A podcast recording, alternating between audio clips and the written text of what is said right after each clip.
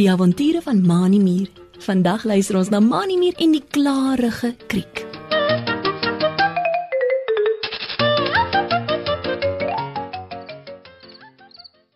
Die son is besig om onder te gaan en al die dagdiere van die veld begin hulle regmaak om in hulle huisies te gaan slaap. Een na die ander van die nagdiere word wakker en wag dat dit heeltemal donker is sodat hulle vir hulle kos kan gaan soek. Mani Meer en Driekie Dassie staan en gesels by die tuinhekkie van Mani Meer se rooi muurhuisie in die agterplaas van mense se huis. Is jy seker dat ek nie saam met jou moet huis toe stap nie, Drietjie? Vra Mani fronsend terwyl hy in die lug opkyk na waar die laaste strale van die son tussen die bome se takke deurskyn. Dit gaan nou nou heeltemal donker wees en jy sê hele entjie na jou huis toe. Ek kan vinnig daarna weer op my rooi muurbene terughardloop hiernatoe. Driekie Dassie skud haar kop en glimlag. Dankie dat jy so baie vir my omgee, Mani. sê sy en vryf met haar voorste twee wollerige dassiepotjies teen mekaar. Jy hoef nie saam te stap nie. Ek sal gou-gou huis toe draf en voordat dit heeltemal donker is, is ek binne in my huisie. Driekie Dassie draai om en wil net begin aanstap in die veldpaadjie, toe sy en Mani Muur aarde skuur krap geluid hoor onder 'n klip net langs die tuinhekkie van Mani Muur se rooi muurhuisie. Kriek. Oi, doggie, wat sal ek kan doen? Kriek, kriek, kriek. Driekie Dassie steek vas en kyk fronsend om haar rond. Omdat dit al sterk skemer is, kan sy nie mooi sien wat so 'n geraas maak nie. Toe hoor sy weer die geraas. Kriek, kriek, kriek. Driekie skud haar kop. Die geraas klink vir haar nou baie nader, asof dit nie meer onder die klip uitkom nie, maar tussen die gras langs die veldpaadjie. Hoor jy dit ook, Mani? Vra sy en kyk nou hierdie kant toe en dan daardie kant toe. Wie praat so krapperig? Mani Muur stoot die tuinhekkie oop en stap tot by Driekie. Ek het die geraas gehoor, Drietjie. Sê hy en rek sy twee rooi muur oë groot oop om beter te kan sien. Daar was ook 'n stem wat gekla het, maar ek sien niks nie. Dis nou weer stil. Mani Muur en Driekie staan nog en rondkyk toe hulle skielik langs hulle weer die harde skuur krap geluid hoor. Ag ja. Ek is moedeloos. Niemand help my nie. Kriek, kriek, kriek. Mani Muur en Driekie Dassie spring eenkant toe van die skrik toe die harde skuur krap geluid so naby hulle gehoor word en kyk in die rigting waarvandaan die geluid kom.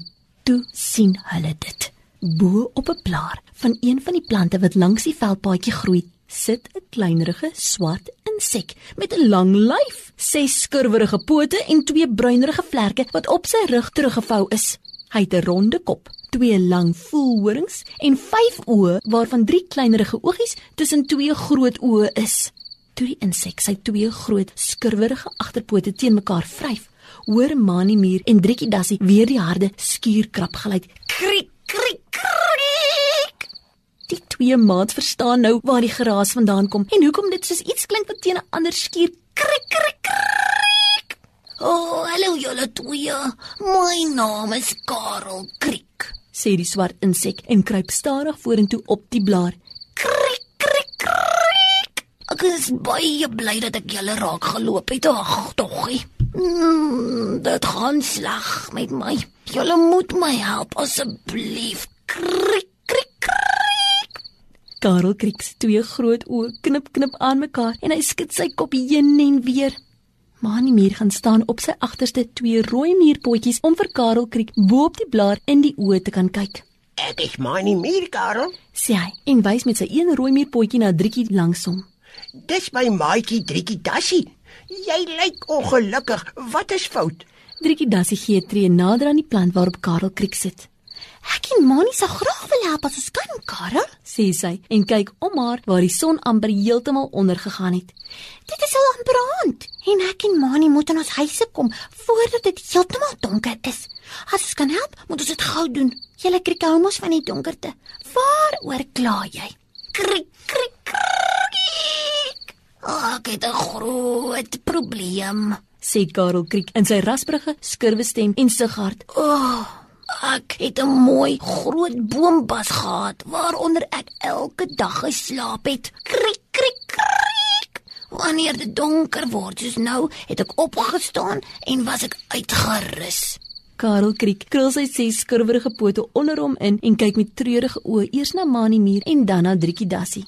So kon ek dwars deur die nag sing en kos soek om van te lewe. Krik krik krik. Wanneer die son weer opkom, het ek onder die boombas ingekruip en lekker gaan slaap. Maar nou, nou is dit net 'n groot probleem. Krik krik krik. Driekie Dassie kry vir Karel Kriek baie jammer. Hy lyk so treurig en ongelukkig waar hy in mekaar gekrimp op die blaar sit. Wat is dan die probleem, Karel? Vra Driekie en vryf met haar een wonderige dassiepotjie oor haar kop. Waaroor kla jy? Jy kan mos nog altyd onder jou boompas gaan slaap. Karel Kriek skud sy kop en trek sy bek op 'n plooi. Krik krik krik. Dis die probleem, Driekie. sê hy en wys met sy een skurwe voorpoot om hom rond na 'n klip wat eenkant lê. Toe julle my net nou die eerste keer gehoor het, was dit van onder daardie klip af. Dis waar ek die hele dag moes lê. En dit was nie lekker nie. Krik krik krik. Die son het so op die klip gebak dat ek van die hitte nie kon slaap nie. Ek is nou so moeg. Hoe gaan ek deur die nag kom? Krik krik krik. Mani Muur vou sy voor sy twee rooi muurpotjies oor mekaar op sy bors. Ek verstaan nie mooi die Karel. Sê Mani en skud al fronsende sy kop. Hoekom het jy nie vandag onder jou boombas gelê nie? Daar is dit mos nie so warm soos onder 'n klip nie. Karel Kriek spring van die een blaar af en land voor Mani Muur op die grond. My boombas het weggeraak, Mani. Sê Karel Kriek en beduie moedeloos met sy voorste twee skurwe pote in die lug. Ek het gehoor dat mense van die huis in wie se tuin jou rooi muurhuisie staan, 'n paar dae terug die tuin en veld hier skoon gemaak het. Krik krik krik. Hulle het seker die boombas weggegooi. En nou is ek in die moeilikheid. Ek kan nie meer rustig slaap nie. As ek opstaan soos nou, is ek so moeg dat ek net wil omval. Ek sal doodgaan as dit so aangaan. Krik krik krik. Karel Kriek loop met kort vinnige trekkies tot by 'n boom en gaan sit al sigtende met sy rug teen die stam. Oh. Driekie Dassie wink vir Mani Muur om saam met haar te kom toe sy na Karel Kriek onder die boom stap.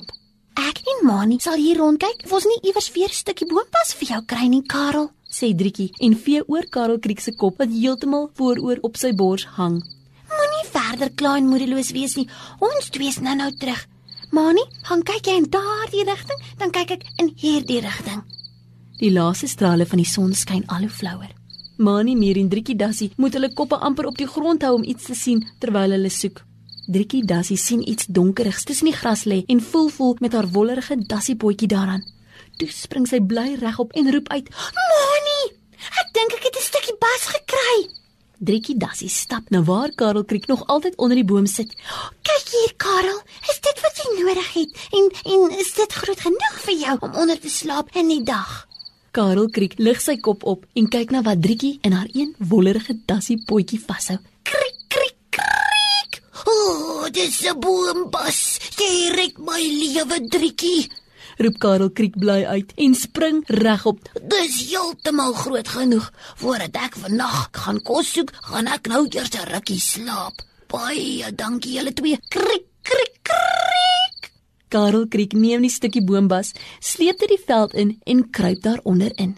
Dit was ook nie hoe te lank nie, of hy is vas aan die slaap. En voordat dit heeltemal donker was, het Mani Muur en Driekie Dassie veilig by hulle eie huise aangekom vir die nag.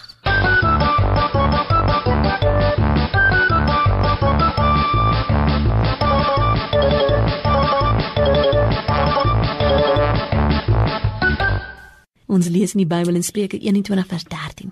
As jy jou ore sluit vir die hulpgeroep van 'n arm mens, sal jy ook nie antwoord kry as jy roep nie. Vir die Here is dit belangrik dat ek en jy ander mense sal help. Miskien moet ons hulle help met kos of klere of 'n plek om in te bly. As ons dit nie doen nie, mag dit gebeur dat die Here ons nie help as ons by hom hulp gaan vra nie. Kom ons maak dan ons ore oop en luister na ander wat hulp nodig het en gaan help hulle. Tot volgende keer wanneer ons weer saam met Mani Muur en sy maat kuier. Totsiens.